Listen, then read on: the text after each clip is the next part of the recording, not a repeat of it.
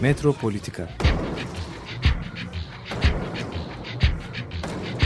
Kent ve kentlilik üzerine tartışmalar.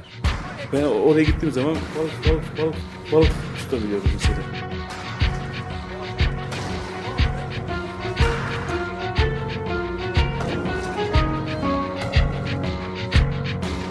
Hazırlayıp sunanlar Aysin Türkmen, Korhan Gümüş ve Murat Güvenç.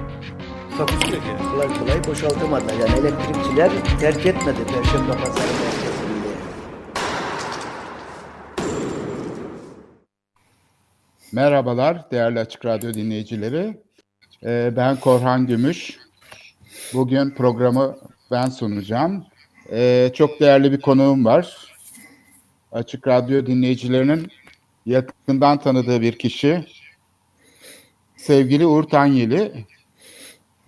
Uğur hoş geldin programa. Hoş bulduk, merhaba. Uğur tanıtmak için bilmiyorum gerek var mı konuşmaya. Ee, mimarlık tarihçisi, eleştirmen, aynı zamanda öğretim görevlisi, Şehir Üniversitesi Mimarlık Fakültesi dekanı. Ee, Uğur, sevgili Uğur, e, senle biraz e, şeyle başlamak istiyorum ben. Pandemi tarihiyle başlayalım istersen. Tabii. Ee, çünkü yani pandemi bir gerçeklik.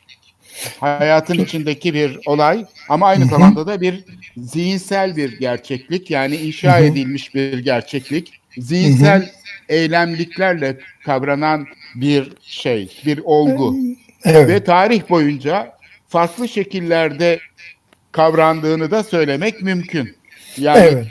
Türkiye'de mesela ben tarih kitaplarında, özellikle ders kitaplarında pek salgınların savaşlar gibi yer tuttuğunu görmedim. Yani kendi öğrencilik hayatımda hiç hatırlamıyorum. Sanki kayda geçilmemiş gibi. Yani yaşanıyor, biliniyor ama ne nasıl bir şey olduğu, istatistik olarak neler olduğu, sonuçları nelerdir, nedenleri nelerdir? Sanki hı hı. salgınlar hep böyle bizim açımızdan yani benim e, kendi hayatımda başka coğrafyalarda olmuş bir şey gibi algılıyorum. Onlardan Hı-hı. bilgi alıyoruz ama Türkiye'de çok fazla salgın tarihi üzerine belki benim bilgisizliğimden dolayı sanki böyle bir şey hisse kapılıyorum.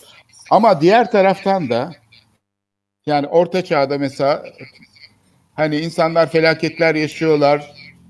E, bunların farkındalar ama nedenlerini sorgulamıyorlar gibi bir durum var. Hı hı.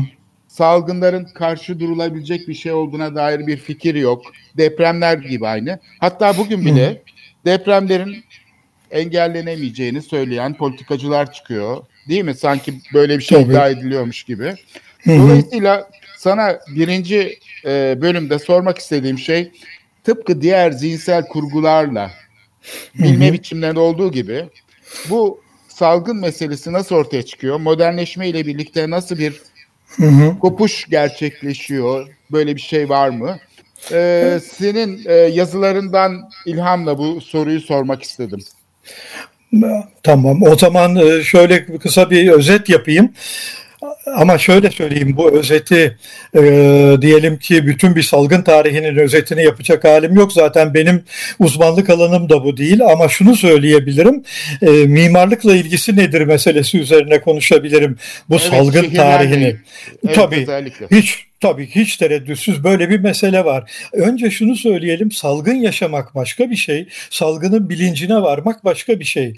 Yüzyıllar boyunca insanlar sürekli salgın yaşıyorlar. Yani salgının olmadığı bir çağ yok. Diyelim ki 12. yüzyılda Bizans'ta salgın yok muydu? E vardı biliyoruz. Hatta şöyle söyleyebiliriz zaten bu çok bildik de bir şeydir.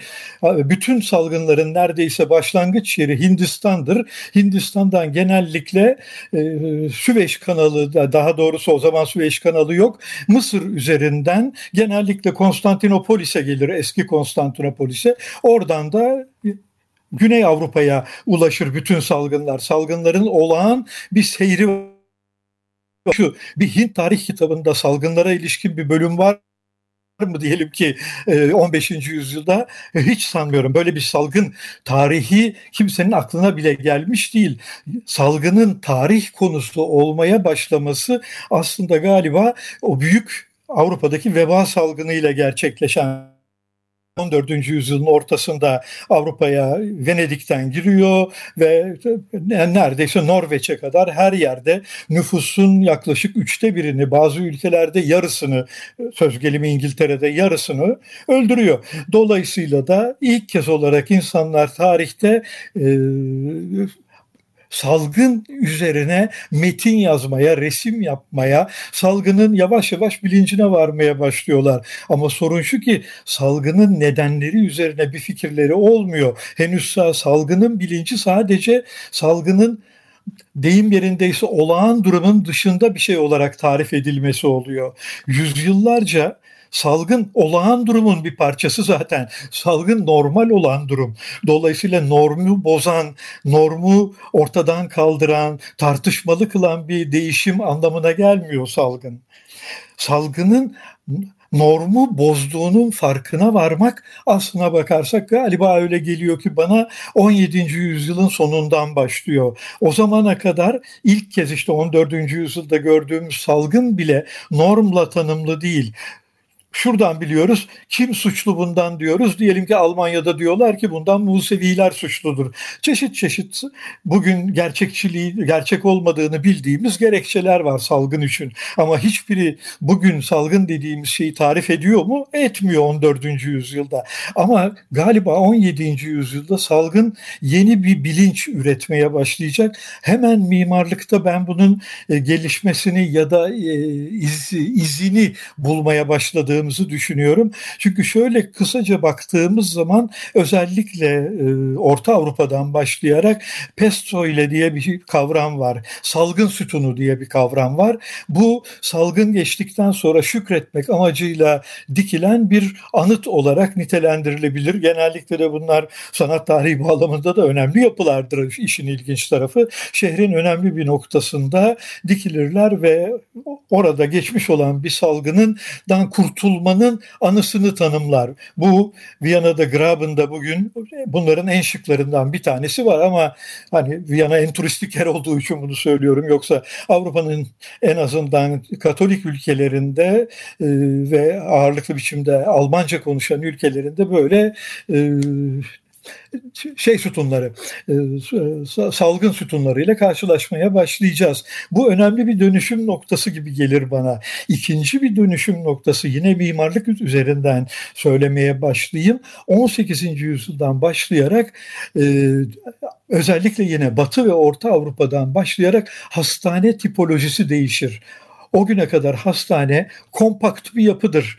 Türkiye'deki şifahane yapıları da, da, da gördüğümüz gibi ne diyelim e, dizi odalardan oluşan kent dokusunun içinde yerleşmiş bir yapıdır.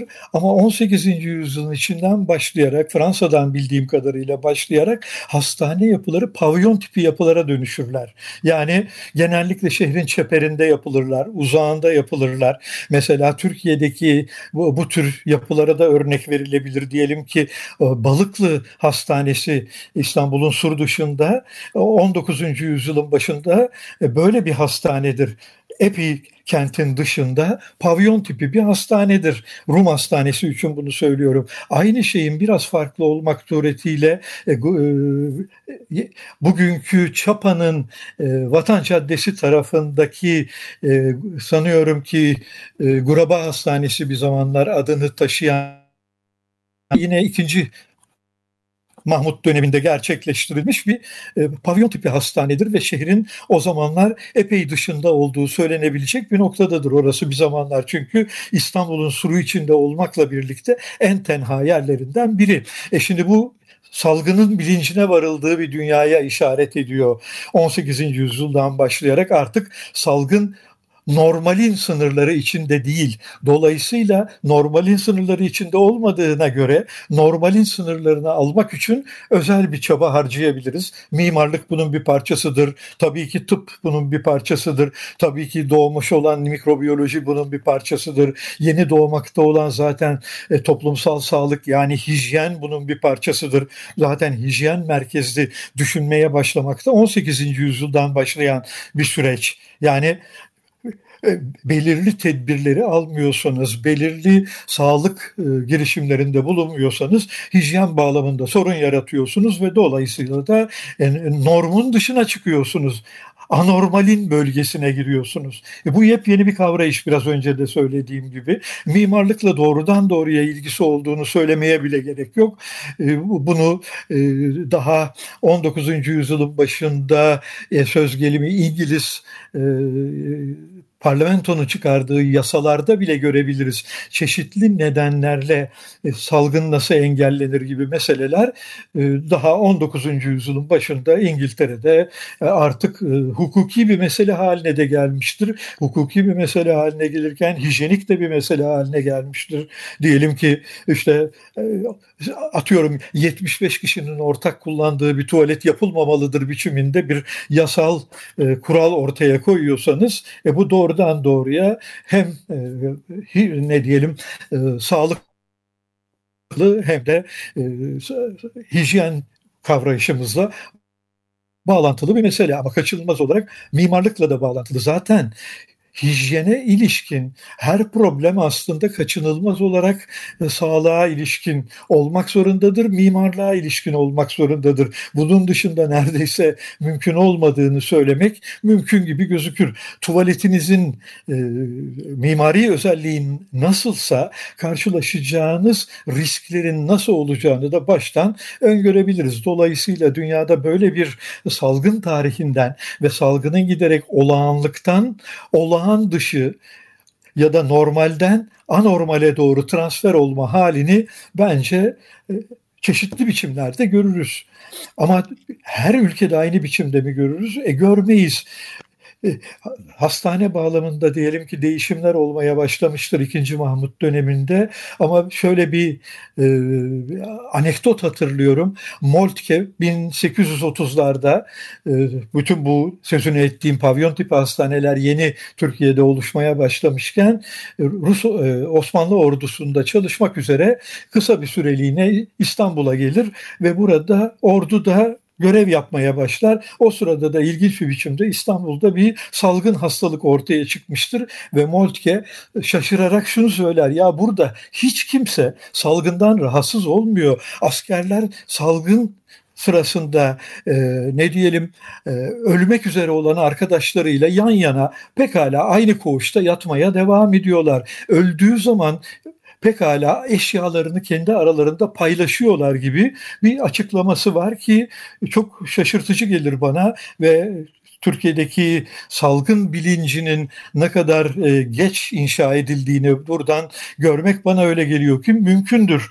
Çünkü dikkat edin 1830 gibi bir tarihten bahsediyorum. Tam tarihini doğrusu hatırlamıyorum. Oturduğum yerden söyleyebilecek durumda da değilim. Ama hiç tereddütsüz gördüğümüz durum henüz salgının bilincinin topluma yaygın olmadığıdır. Henüz daha hastanede çalışan diyelim ki doktor bunun belki bilincindedir. Belki daha eğitimli gruplar bunun farkındadırlar ama toplum genelinde 1830'larda bile hala daha salgının önlenebilir olduğunun, anormal olduğunun, normu tanımlamadığının, dolayısıyla olağan sayılamayacağının bilgisi e, oluşmamıştır. Hala sol, salgın Türkiye'de yakın zamana kadar olağan bir şeydi. Bizim hatırlarsın Korhan, e, bizim çocukluğumuzda bile böyle olduğunu görürüz neredeyse bütün okullarda insanlar sırayla kızamık olurlardı, boğmaca olurlardı. Akla gelecek bütün çocuk hastalıklarını sırayla herkes geçirirdi. E bugün böyle bir hastalık olduğu zaman ona salgın deniyor. Diyelim ki arka arkaya aynı ilkokulda 10 tane çocuk e, kızamık olsa bu ciddi bir hijyen sorunudur ama bizim çocukluğumuzda böyle olmadığını ben gayet iyi hatırlıyorum. Hepimiz bildiğimiz bütün e, ne diyelim bulaşıcı hastalıkları sırayla geçirirdik ve kaydı var mıydı hala onu bilmem. Yani şu mahallede kaç kişi şu tarihinde kızamık geçirdi biçiminde ayrıntılı bir istatistik olduğu kanısında değilim. Yani seninle bir ara konuştuğumuz bu biyopolitika meselesine istersen değinelim. Bir kere evet. ins- insan ömrünün biyopolitik bir biçimde kavranması çok yeni. Bildiğim kadarıyla ilk kez Londra'da ölümlerin bir istatistiği tutulmuş 17. yüzyılın başlarında tutulmaya başlanıyor. Yani diyorlar ki atıyorum 1640 yılında 75 kişi salgın hastalıktan öldü. 76 kişi e, yaşlandığı için öldü filan gibi bilgilerin dediğim gibi 17. yüzyılda tutulduğunu biliyorum. E, dünyada hatta ilk kez yapılmış bir kentsel sağlık istatistiğini yanlış bilmiyorsam e, Almanya'nın Breslau kentinde e, bir İngiliz yapmış. Üstelik de adını biliyoruz. Bu ünlü Halley. Halley kuyruklu yıldızını keşfeden adam. Tarihte ilk kez olarak bir Alman kenti için bugünküne biraz olsun benzeyen bir sistematik ölüm yaşam istatistiği yapmış. Bu aslında matematiksel terimlerle bizim aslında dünyayı kavramaya, sağlığı kavramaya, salgını kavramaya başladığımıza işaret ediyor. Bugün dolayısıyla Halley'nin yolundan mı gidiyoruz? Bugün atıyorum 46 kişi öldü, 1375 kişi teşhis edildi gibi istatistiklerle karşılaşıyor olmamız dünyanın her yerinde Halley'den başlayan, 17. yüzyıldan başlayan bir süreç. Yani dolayısıyla 17. yüzyıl bana epey önemli bir dönemeç gibi gelir. 18. yüzyıl önemli bir dönemeç gibi gelir. Hiç kuşkusuz 19. yüzyılın e, sonu önemli bir dönemeç gibi gelir. Çünkü neredeyse bütün patojenlerin farkına varmaya başladığımız bir dünya. Dolayısıyla kentleri de böyle görmeye başlıyoruz. Peki, Hiç tereddütsüz. Evet. Peki eşitsiz Hı-hı. gelişmelerin e, olduğu da söylenebilir belki. E, ben Tabii. şeyi hatırlıyorum. Mesela bu kanalizasyon sistemlerinin olmadığı yerleşim alanları vardı ki hala Tabii. var. Tabii. Yani su e, atılıyor. Sokaktaki bu ortadaki taşların, Arnavut kaldırımı taşların ortasından atık Hı-hı. sular akıyor. Yani herhangi bir kanalizasyon yok. Benim çocukluğumda foseptikler vardı mesela. İşte Kalamış'ta, Fenerbahçe'de ama bir kanalizasyon sistemi Yoktu. Bütün Bağdat Caddesi, bütün Bağdat Caddesi'nde kanalizasyon yoktu hatırlarsan.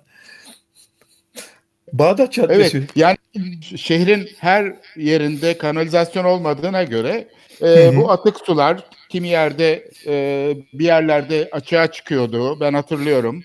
Hatta Tabii. annemin e, şey söylediğini hatırlarım. Çamlıca'da bizim bir akrabamız vardı. İşte öğretim üyesiydi falan Amerika'da gıda mühendisliği okumuş. O Hı-hı. bahçesinde tarım yapardı.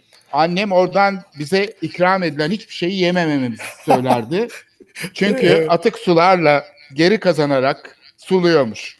Ondan Tabii. sonra işte evde şöyle bir adet vardı. Banyoya giren şey tuvalete asla geri şey e, mutfağa asla geri gitmez. Yani bir kap, bir kova, bir kap plastik bir şey. Eğer banyoya Tabii. girerse e, şartı vardı. Bunun şartı asla Tabii. mutfağa geri dönmeyecek. Mesela böyle Tabii. adetler vardı. Tabii. Yani e, belki eşitsizlikten söz edilebilir mekansal olarak. Bir de şeyi hatırlarım. İstanbul'un özellikle Boğaz giriş kısmı kuzeyde Büyükdere'de gemiler bekliyor oradaki koyda. Tabii. Ve burada mezarlıklar var. Bu mezarlıkların çoğu tahrip oldu. Ama her hı hı. milletten ayrı insanların mezarları vardı ve burada ölüm hı hı. şeyleri mezar taşlarında yazardı. İşte kaptan bilmem kim. Ee, şeyden hı hı. geldi Karadeniz seferinden e, işte vebadan öldü buraya gömüldü falan gibi. Demek ki orada karantina şeyleri Tabii. var, istasyonları var. Hem Anadolu kavağında hem Rumeli kavağında karantina istasyonlarının olduğunu tahmin ediyorum. Çünkü bir takım mekanlar vardı böyle terk tabii, edilmiş tabii. mekanlar ve mezarlıklar. Tahmin etmene gerek yok e, Korhan. Şöyle söyleyeyim iki tarafta da karantina binaları vardı. Bazıları Anadolu tarafında hala durur. Karant hatta karantina koyu diye bir yer var bildiğim kadarıyla. Yani biz gençliğimizde karantina koyuna e, neredeyse gizlice çünkü askeri bölgeye şey yapardı. E, gizlice gittiğimizi ben hatırlarım karantina koyuna denize girmek için. Adı karantina koyuydu. İstanbul'a bir yerden geliyorsan karantina koyuna gemini çekiyorlar. Dediğin gibi orada bil, bilmediğim bir süre boyunca oradaki karantina binalarında kalınıyor. Bazıları ölüyor dediğin gibi gömülüyor mezarlıkları var. De, bunlar durumlardı bir zamanların dünyasında. Bize kadar izleri geldi. Senin söylediğin hani annem şuradan e, diyelim ki marul almazdı meselesi bu İstanbul için genel bir şeydi. Bazı noktalarda diyelim ki e, Langa'da yetişen marulu e, sorardı insanlar. Bu Langa'da mı? Çünkü Langa bugünkü biliyorsun o şey noktası ulaşım hub noktası şey noktası, de, odak noktası. transfer merkezi. Evet. Tabii transfer merkezi haline geldi. Bir zamanlar alçak bir yer olduğu için İstanbul'un pis suyu oraya doğru giderdi ve oradaki mağrullar bilmem neler oradan sulanırdı. Dolayısıyla hani biraz sağlığına dikkat eden insanlar Langa'dan ben e, maydanoz almayayım diyerek konuşurlardı. Maydanoz alınır mı? Bu maydanoz nereden? filan gibi soruları ben İstanbul'da çok duyduğumu hatırlıyorum. Benim annem de çünkü böyle şeyleri sorardı. Hani hani sağlığına biraz dikkat ediyorsan diyelim ki e, sur boyundaki bazı noktalardan marul yenmezdi alçak olan noktalar çünkü pis sunun biriktiği noktalardı filan. E, demin söylediğini aslında biraz daha geliştirerek konuşmakta yarar var belki.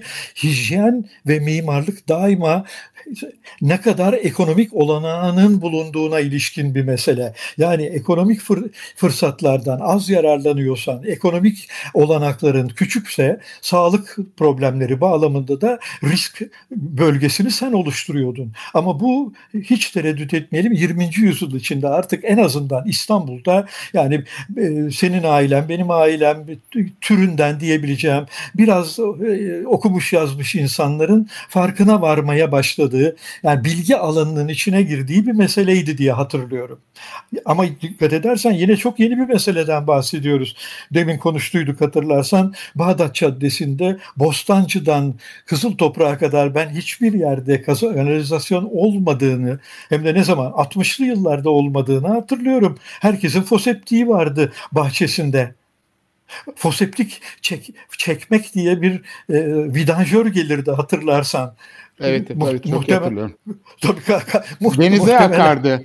Bizim tabii, evin kanalizasyonu denize evet. akardı ve biz oradan denize girerdik. Yani çok doğru. öyle. Aynen, aynen. Kalamış'ta da öyleydi, Suadiye'de de öyleydi, Çaşkın Bakkal'da da öyleydi. Hani hala. biraz tabii tabii. Adalarda tabii. hala öyle. Adaların evet. kanalizasyonu şu anda denize akıyor ve insanlar evet. kanalizasyonun yanından denize giriyor yani. Aynen, Bu... giriyor tabii. Ha bir yandan da şunu düşünmemiz lazım. Türkiye'de demek ki hijyene ilişkin bilinçlenme süreci ne kadar gecikmiş bir süreç. Yani e, görmekte olduğumuz Türkiye'nin e, sağlık tarihinin, hijyen tarihinin, epidemi tarihinin aslında ne kadar problemli bir tarih olduğunu görmek zorundayız bir yandan da. Belki bu ona fırsat olur diyeceğim neredeyse. Ben de o, tam oraya getirmek istiyordum. Aslında burada e, tarihten söz etmemizin nedenlerinden biri hem bu e, yani epistemolojik kopuş gibi bir şey gerçekleştiğini gözlemliyoruz, bunu söylüyoruz. Ama diğer taraftan da gel gitler devam ediyor. Yani hiçbir zaman e, bu tam anlamıyla bilimsel yani sağlık Hı-hı. bilimsel e, şeylerle yürümüyor toplum hayatı. Evet. Bugün de özellikle evet. turizmden falan söz ederken şimdi krizin Hı-hı. genellikle sağlıkla ilgili krizin üst Hı-hı. anlatıları meşrulaştırdığı söylenebilir tatmin edici hı hı. hatta bulanlar var. Yani bugün sağlık bilimsel bir yaklaşım karşımıza çıktığı için hı hı. Sağlık Bakanı'nın konuşmalarından dolayı çok tatmin olduğunu söyleyen, işte şey olduğunu söyleyen insanlar var. Fakat hatta e, bu neoliberal koşullarda bu üst anlatılara karşı olan inansızlığın böylece krizle giderildiğini iddia edenler de var. Ben buna çok rastlıyorum. Kriz, evet üst an- anlatıları meşrulaştırıyor. Yani bilimsel şeyleri. Onlara karşı olan inançsızlığı gidermiş gibi gözüküyor. Ancak bu görüntünün kimi yerde aldatıcı olduğu, bir ortaya bir takım tuhaflıkların çıktığını da görüyoruz. Bunu programın belki ikinci kısmında da konuşabiliriz ama şimdilik hani bu kriz anındaki sağlık bilimsel meşruiyet meselesi süreç odaklı baktığımızda çökebilir mi? Gitgeller yaşanabilir mi? Yeni dalgalar ve yeni felaketlerle Hı hı. diye insan soruyor. Çünkü mekanla ilgili çok önemli sorunlar değişmeden yeniden aslında mevcut toplumsal düzenin yeniden üretiminde gene imar hareketlerinde, gene turizm hareketlerinde söz konusu. Dolayısıyla Hı hı. bunlar maddi pratikler olarak bir krizle kolay kolay değişmiyor. Yani böyle bir Hı hı. beklenti içinde olabilir miyiz diye sormak istiyorum. Valla şöyle söyleyeyim, bunu biraz farklı biçimde değerlendireyim. Aslında bakarsan bilimsel olan hiçbir şey sadece bilimsel değil. Biraz Heidegger lafı gibi oldu bu. Hani onun öyle bir lafı var ya teknik olan hiçbir şey sadece tekniğe ilişkin değildir diye söylediği bir şey. E bunu aslında bilime ilişkin genişleterek söylemek mümkün. Bilime ilişkin olan hiçbir şey sadece bilimsel değil. Hiç kuşkusuz politik tarafı var. Hatta çoğu zaman politik olan her şeyi bilimsel olan e, savlarla gerekçelendirmek, hatta olumsuz biçimde yoldan çıkarmak, e, yeni biyopolitik e, ne diyelim dengeleri kurmak için kullanmak, hatta yeni biyopolitik e, tahakküm yöntemleri icat etmek için onlardan yararlanmak çok alışılmış bir durum. Yani bu bütün çağlarda karşılaştığımız bir şey. Hani demin biraz önce başladığımda 14. yüzyılda sözünü ettiğim bir mesele vardı ki bu sonraki dönemlerde Avrupa'da sık sık yinelenecek bir şeydir. Salgın niye oldu? E çünkü Museviler yayıyorlar bu salgını. Şimdi Musevilerin salgın yayma ihtimali var mı? Herkes kadar Museviler de salgına muhatap olmak zorunda kalıyorlar ama şimdi burada gördüğümüz şey e, rastlantısal bir e, acıklı bilinçsizlik olayından ibaret değil. Bu besbelli ki bir açıdan da düşünecek olursak etnik politikalar bağlamında, e, ekonomik eşitsizlikler bağlamında bir sürü şeye göndermede bulunuyor. Evet, Türkiye'de insanlar... de bunu yaşadık. Yani Tabii. E, salgın nereden geldi? İşte Avrupa'dan dönen turistler diye Çok doğru. hükümet bir açıklama yaptı. Halbuki yapılan evet. araştırmalar tam tersine işte Suudi Arabistan'dan e, ve başka şeyden İran'dan geldiğini gösteriyor ana şeyin. Fakat nedense böyle bir şey var. Yani e, politik bir e, karşıtlık içinde salgın Tabii. şey nedenleri anlaşılıyor. Bu da çok ilginç. E bence çok doğru söylüyorsun. Verdiğin örnek de çok e, ilgi çekici. Bir gerçekten benim de dikkatimi çeken bir şey. Birdenbire Avrupalılardan salgını aldık demek. E besbelli ki Avrupa ile problemli bir ilişkimiz var. Böyle bir kavrayış. E, oysa şey, herhalde e, dünyanın hijyen bağlamında neredeyse en dikkatli ülkelerinden söz ediyoruz. Oradan salgın geldi demek e, doğrusu şaşırtıcı ve çarpıtıcı bir e, mesele gibi gözüküyor. Yani onun için e, asla ne salgına ilişkin, ne tıbba ilişkin, ne bilime ilişkin hiçbir şey sadece bilimselliğin sınırları içinde biçimlenmiyor ki. Sayısız toplumsal kaygılarımız, dertlerimiz, endişelerimiz, e, ne diyelim e, paranoyalarımız hemen kendisini ortaya koyuveriyor. E bu e, şaşırtıcı da değil. Ama Türkiye'deki biçim çok mu e, eskimiş diye soruyorsan e, bence eskimiş. Çünkü artık dünyanın bazı yerlerinde bu dilden konuşmak eskisi kadar kolay değil ama hakkını da yemeyeyim. E, Trump boyuna Çin'den geldi ve Çinliler çıkardı bu e, başımıza bu belayı diye söylediğine göre besbelli ki dünyada başkaları da var ama yine de bazı yerlerde bu konu bizdeki rahatlıkla söylendiğini e, iddia edemeyeceğim. Çok bu benzerlikler dilden, var. Ama evet. var. Var var. Tuhaflık, yani Trump tuhaflıklarda tabii. çok benzerlikler ortaya çıkıyor. Var. Çünkü Diyanet tabii. İşleri Başkanı'nın e, şimdi evet. şeyle sosyal hayatla ilgili kendi görüşleri evet. kendisini evet. bağlar. Kendisi bunu evet. gayet güzel kendi yaşamında uygulayabilir ya da bir topluluk Tabii. şeyi anlayışı da olabilir. Kimse buna itiraz edemez. Ama hı hı. kamu adına konuşmaya başlayınca ortaya bir evet. tuhaflık çıkıyor. Yani e, işte yani kalkıp da e, şey yapması, hedef göstermesi, öteki ötekileştirmesi e, bir evet. e, kamu e, insanının yani kamu işlevi üstlenmiş bir insanın bunu yapması tuhaflık oluyor. Bunu içerik üzerinden konuştuğumuz zaman anlayamıyoruz. Evet. Yani evet. adamın yani kendi görüşü olabilir. Kendi yaşantısını, cinsel yaşamını böyle düzenleyebilir. Şeye Hı hı. karşı olabilir e, falan. Yani bunun e, kendi özel hayatıyla ilgili bir problemi yok. Fakat ne zaman ki kamu davranışlarına, kamusal nitelikli işlere bu damgasını vurmaya başlıyor. O zaman ortaya tuhaflıklar çıkmaya başlıyor. Tabii. Aynen böyle olduğunu Peki burada benim bir sormak istediğim bir şey var. Bizim Hı hı. aslında şehirleri planlama yöntemimizde bu şey her zaman vardır. Şu bilim insanları şehirleri planlasalar oturup e, İstanbul'un master planını yapsınlar. E, ne güzel olur diyen bir kesim vardır. Tabii. Öbür taraftan da yani hayat daha karmaşık bir şey olduğu için bunun karşısında da bir popülist şey vardır. Motivasyon, karşı dalga vardır. Her zaman e, planları iptal etmeye dönük. Nedense bizim plancılar e, bunu şey olarak gösterir. Yani bilimsel bir şey diye gösterir ve bunun meşruiyeti arkasına sığınır. Hiçbir zamanda hani katılım matılım gibi şeyi önemsemezler ya da farklı alternatifleri. Ama diğer tarafta bunu çok iyi bildiği için bu zaafını yani planlamanın bu zaafını bildiği için o da nasıl olsa onlar işini yapsın ben de kendi işimi yapayım der. Siyasetçiler de onları sürekli değiştirir. Sürekli siyasetle o yeniden üretir ve onu anlamsızlaştırır. Sanki aralarında gizli bir anlaşma varmış gibi. Yani bilimsel meşruiyet aslında bir tür bilimciliğe dönüşür. Hı. Yani bir bilimcilik bir taraftadır. Öbür tarafta da bu tuhaflıklar vardır. Yani popülist şeylerle işte e, hareket eden yöneticiler imar hafları verirler, izinler verirler.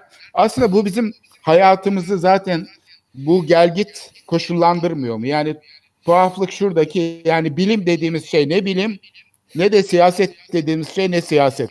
E, e, çok doğru bence de. Bu demin konuştuğumuz konuya bir tekrar dönüyoruz anlamına geliyor bir açıdan düşünecek olursak. E, şunu söylemeye çalışmıştım. Ya, mutlak bilimsellik diye bir şey var ve onun doğrultusunda şehri planlarsak bütün sorunlar bitecek. E, mutlak bilimsellik diye bir kere bir şey yok. Böyle bir bilimsellikle e, şehir de bizim e, irademize mutlak biçimde tabi ya da bazılarının iradesine mutlak biçimde tabi bir yer değil. Ne politik olarak böyle ne bilimsel olarak böyle. Yani iki tane profesör karar verseydi İstanbul'da e, bütün sorunlar çözülecek miydi? Çözülmeyecekti. Aklı evvel beş tane politikacı karar vermeyi başarsalardı da ısrarla kararlarının üzerinde dursalardı bir şey mi çözülecekti? E yine çözülmeyecekti. Mucizevi çözüm olmadığını hepimiz biliyoruz. Demin söylediğin o gel git bir taraftan politik olarak sürekli aşındırdığımız, taviz verdiğimiz bir kent var. Öte tarafta da sürekli biçimde bilimselleştirmeye çalıştığımız, hijyenik hale getirmeye çalıştığımız bir kent var. Ama sonunda sorun şu ki aynı kentten söz ediyoruz. Başka başka kentler yok. Bu kentte gerçekleşiyor bu söz konusu ne diyelim çelişkiler ve dünyadaki bütün kentlerde çelişkiler gerçekleşiyor. Evet. Ama evet. yöntemler de var. Yani bunun evet, e, yani karşılaştırma yöntemleri var. Yani çok öncelikli planlama teknikleri var. E. Temas kurmak ve ilişki kurmak üzerine kurulmuş teknikler var. Çok Biz bunları bunları hep e, öğrenciliğimizden beri hep bunları zaten e, savunduk ve uygulamaya çalıştık. Tabii. Yani her zaman başka tür bir e, tasarım fikrinin de mümkün olabileceğini e, düşünen insanlar var ve bunun uygulamaları da var. Muazzam bir deneyim var aslında bu Tabii. alanda. Ya Fakat, şunu, söyle, e, şunu söyleyeyim uzlaşma diye bir şey var asıl. Yani farklı fikirlerin olmasından doğal hiçbir şey yok. Bunların bazılarının zırva olması da mümkün ve böyle bir çünkü zırvaları ayırtacak, ayıracak bir iktidar odağımız da yok. Ama sorun şu uzlaşma diye bir şey var birbirinden farklı olanlar bir noktada, e, bir asgari ortaklık noktasında bir şeyleri çözmek için bir uzlaşabilirler. Mucizevi sonuç filan çıkmaz ama demin söylediğin gibi bunun yolları var, yöntemleri var. Bunu becerebilecek bir bilgi birikimi dünya genelinde de var. Hatta Türkiye'de de var. Öyle değil mi? Ama evet. sorun şu ki e, galiba Türkiye her konuda olduğu gibi bu konuda da uzlaşmayı bilmiyor ki zaten. Nasıl uzlaşacak? O yani, zaman da e, tabii ki evet. üst anlatılarda bununla ilişki kuramıyor. Yani tabii. eğer bilim tabii. E, şeye izole oluyorsa, e, sadece Hı-hı. bir kamu yararı temsiline izole Evet. ediliyorsa yani e, üst anlatılar aslında bilim insanlarının kendi görüşü olarak bir yere izole ediliyorsa öbür Hı hı. tarafta da toplumsal hayat başka türlü düzenlenebiliyorsa temas Tabii. kurmadan ancak Tabii. kriz anlarında bu temas kuruluyor ki o da Evet. geçici bir temas oluyor. Yani deprem olduğu zaman Tabii. fay hatlarının farkına varıyoruz. İşte e, salgın olduğu zaman e, virüslerin nasıl yayıldığına dair bilgi sahibi oluyoruz ama hayatımızın sürekli bir şey içinde, ilişki Hı hı. içinde olmadığını görüyoruz. Yani üst anlatılarla. Çünkü üst anlatılar Evet. otokratik bir sanki şeyi meşrulaştırıyor. Yani yukarıdan buyuran bir düzeni çağrıştırıyor. Oysa Aynen. ki bu böyle değil. Yani bu hayatın içinde pekala demokratik bir şekilde bilim yer alabilir. Planlama kararları Hı hı. pekala bizim Tabii. hayatımızı akılcılaştırabilir ve bizi daha da refah seviyemizi yükseltebilir. Daha rahat yaşayabiliriz. Hı hı. Ben bir nefes alalım diyorum. İstersen bir müzik e, Bir tek dinleyelim. şey, bir Heh, tek buyur. şey ekleyebilir miyim bu söylediklerine? Dediğinin şöyle bir boyutu var. Boyuna bilimsel üst anlatılarla konuşuyoruz. Politik olarak yasaklamalarla bağlantılı olarak yine üst anlatılarla konuşuyoruz. Ama bu ülkede şöyle son yıllarda yapılmış bir istatistik bilmiyorum. Kaç kişi ortak tabaktan yemek yiyor Türkiye'de hala?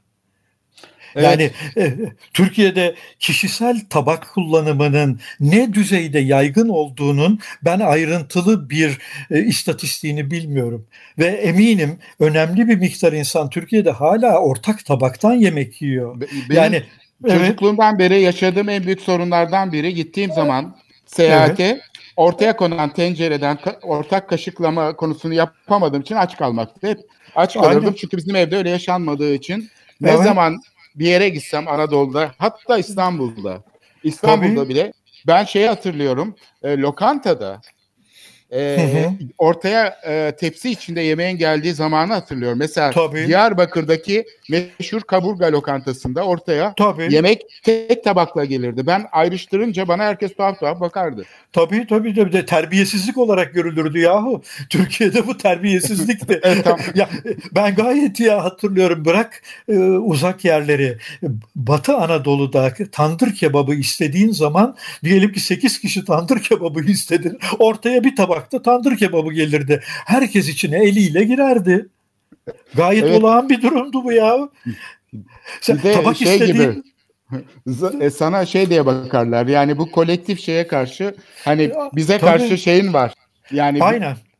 bu ortak yaşam şeyimize karşı senin ayrıksı Tabii, durmanın tabii. bir şeyi var. Yani sen onları aşağılıyor musun falan gibi Tabii. kötü bakarlar. bir mesaj veriyorsun diye bakılırdı. Tabii çok iyi hatırlıyorum. Hatta öyle olan yerlerin hala olduğuna o kadar eminim ki Korhan. Yani boyuna bilimden konuşuyoruz. Sonra da kalkıp e, hala daha bu tür meselelerin geçerli olduğu bir ülkede yaşadığımızı unutuyoruz. Şaka Evet. gibi. Evet. Şimdi genelgelerle bu restoranlar falan düzenlenmeye çalışılıyor. Ee, programın Hı hı. ikinci kısmında istersen biraz turizm konusuna da gireriz. Ee, bir Hı nefes alalım. Ee, Kas McCombs'tan dinliyoruz. Bam bam bam.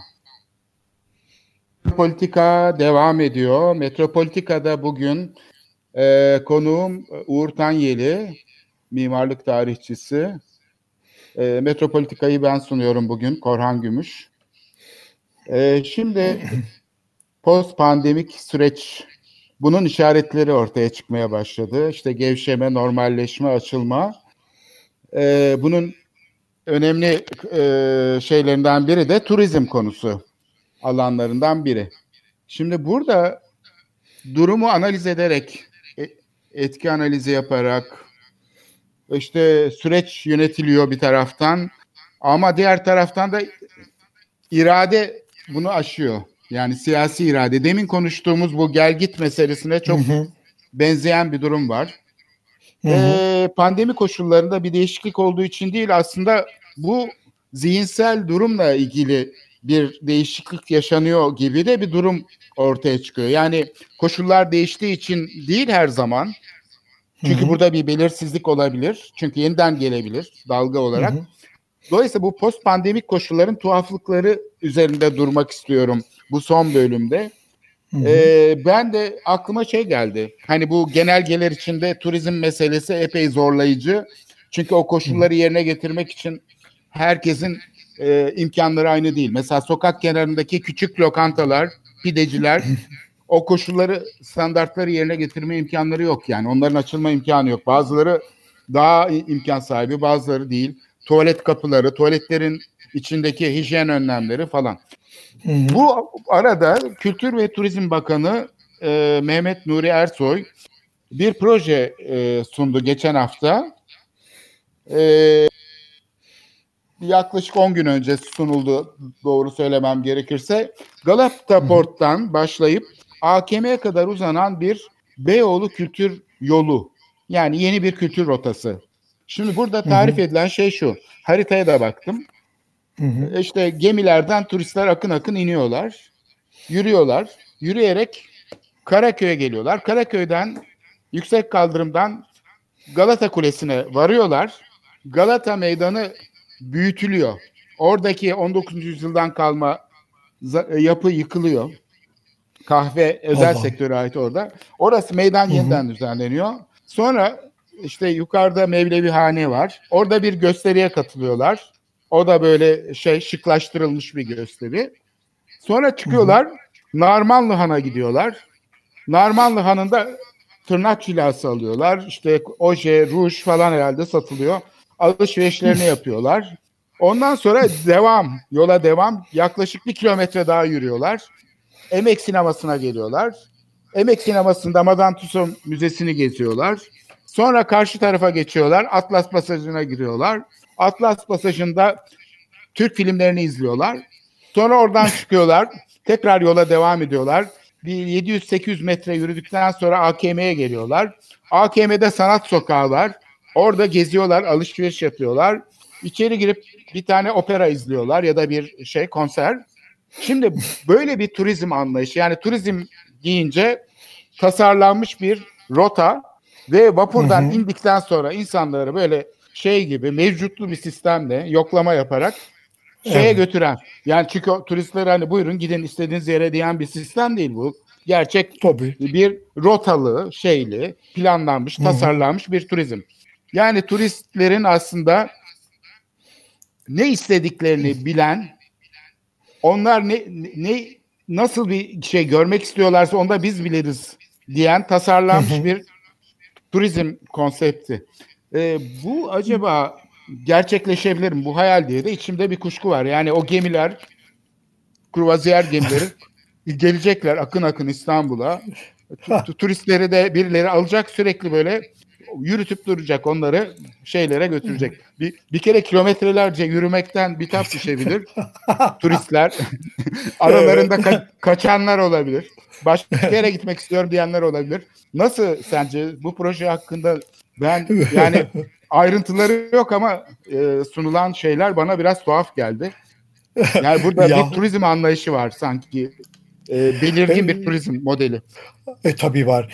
Şöyle ben bir kere şöyle söyleyeyim. Böyle bir turizm nerelerde var meselesi üzerinde biraz durursak bunun ne anlama geldiğini de görürüz. Yani diyelim ki Mısır'a gittiğin zaman Mısır'da da böyle bir turizm var. Seni alıyorlar. Ha, diyelim ki 3 gün Kahire'nin belli yerlerini dolaştırıyorlar. Sonra bir gemiye koyuyorlar. Asuan'a kadar gidiyorsun. Asuan'dan sonra tekrar gemiyle ya da uçakla geri dönüyorsun ve oradan da ülkene gidiyorsun. Mısır gördüğüne inanıyorsun. Gördün mü Mısır? E, hayır senin için tanımlanmış standart belli güzergahlar var. Onun dışında bir yer görüyor musun? Hayır. Diyelim ki e, ne diyelim e, Luxor'a geldin. Luxor'un yoksul mahallesinde dolaşıyor musun? Görmüyorsun bile. Luxor'da nerede kalacağın besbelli. Sahildeki e, demirlemiş e, kruz gemilerinde, Nil Ya da oteller var. E, şey olmuş. Da, duvarlarla tabii, çevrilmiş. Kale gibi tabii, böyle etrafları tabii, duvarla çevrili oteller çok var. Çok doğru. Tamamen evet. kapalı kapalı lüks oteller var. Daha lüks yaşamak istiyorsan kapalı lüks otele gidiyorsun. Dışarı çıkıyor musun? Hayır. Yol kenarında kadayıf satan adamı görüyor musun? Hayır. E kadayıf yiyor musun? Allah korusun miden düşer neredeyse. E, dolayısıyla e, Türkiye'de var mı? Tabii var.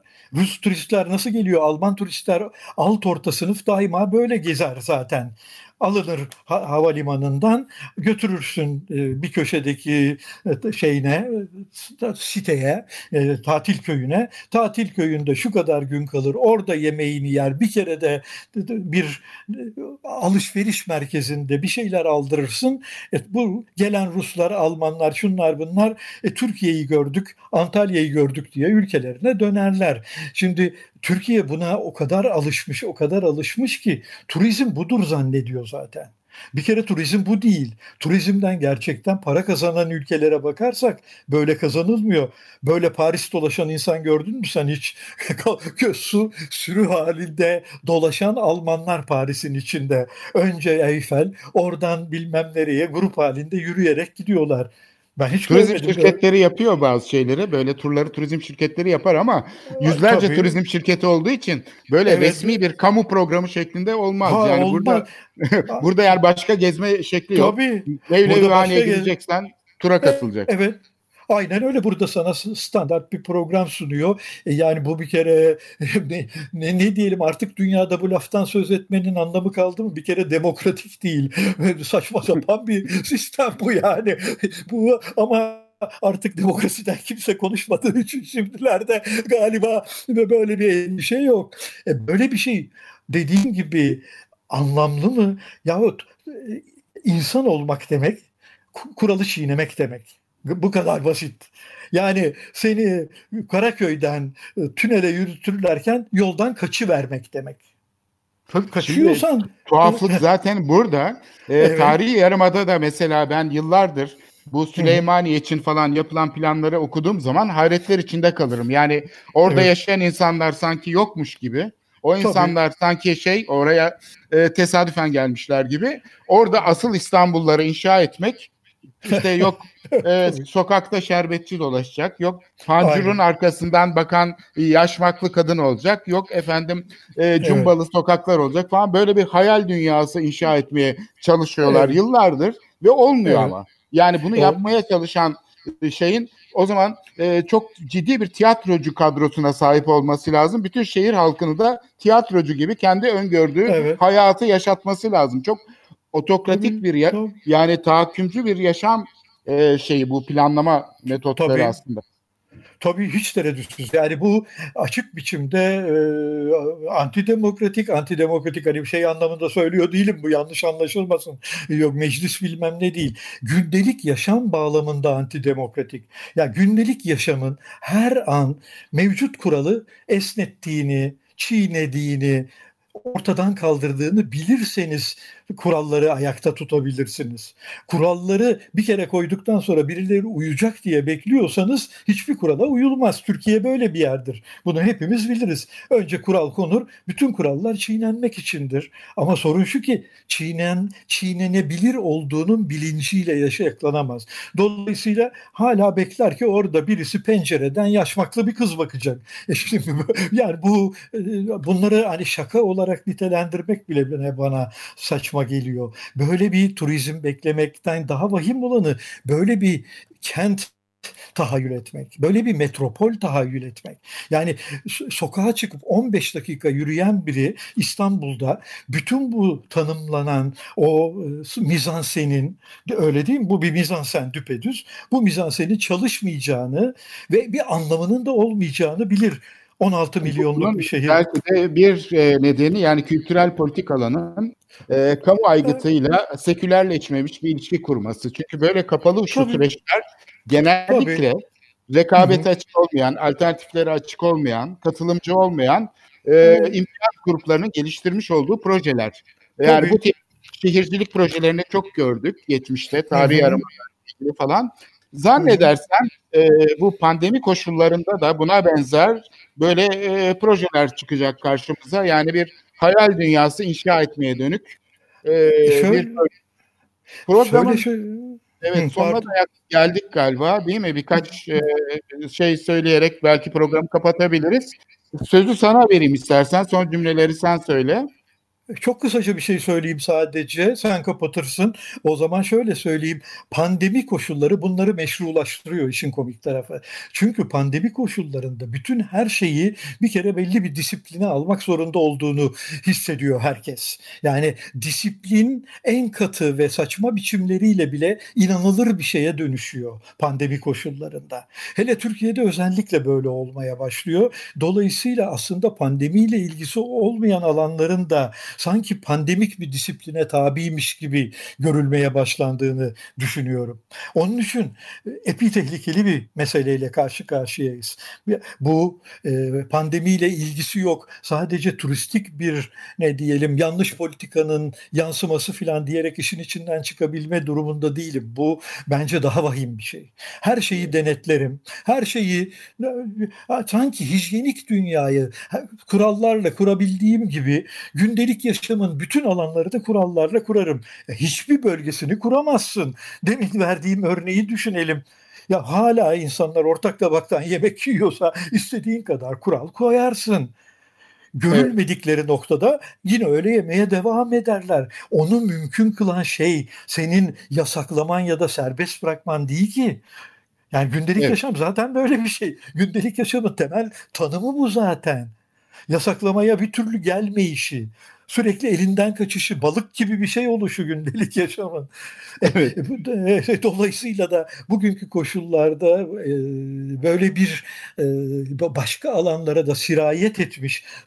Yani epideminin Türkiye'deki tanımı şu, e, hijyenik alandan ve tıp alanından başlıyor ama bütün toplumsal alanlara sirayet eden bir şeydir Türkiye'de salgın. Onun evet, için o salgın da virüs gibi. Evet. O da evet. evet. Türkiye'de böyle bir virüs var. Yani gerçek bir virüs virüs olarak başlayabilir ama sonunda politik bir virüs, e, eğitimsel bir virüs, bilimsel bir virüs ne, ne aklına geliyorsa gündelik yaşam virüsü haline gelerek aslında alanı bence evet. sira, tam sirayet eder eski deyimle. Ve bunu evet, görüyoruz evet. gibi geliyor bana. evet bu siyasal bir virüs. Ee, çok da Türkiye'de çok yayılan, e, sirayet edebilen bir virüs. Programı e, burada sonlandırıyoruz. Çok teşekkür ediyorum sevgili Uğur Tanyeli programa katkın için. Ben teşekkür ederim. Feryal'e de çok teşekkür ediyorum bu programın gerçekleşmesini sağlayan. Sevgili destekçilerimiz Haldun ve Serpil İleri'ye de ayrıca teşekkür ediyorum. Herkese çok iyi bir hafta diliyorum. Ee, herkese kolay gelsin. İyi haftalar. Hoşçakalın. Hoşçakalın.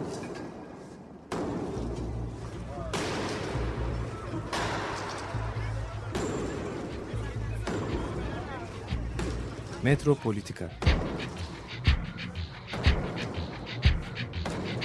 Kent ve kentlilik üzerine tartışmalar. Ben oraya gittiğim zaman balık balık balık balık tutabiliyordum mesela.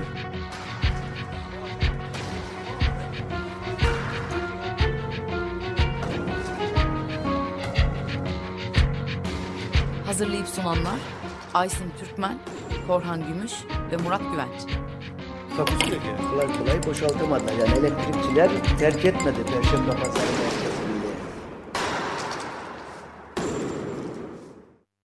Açık Radyo program destekçisi olun.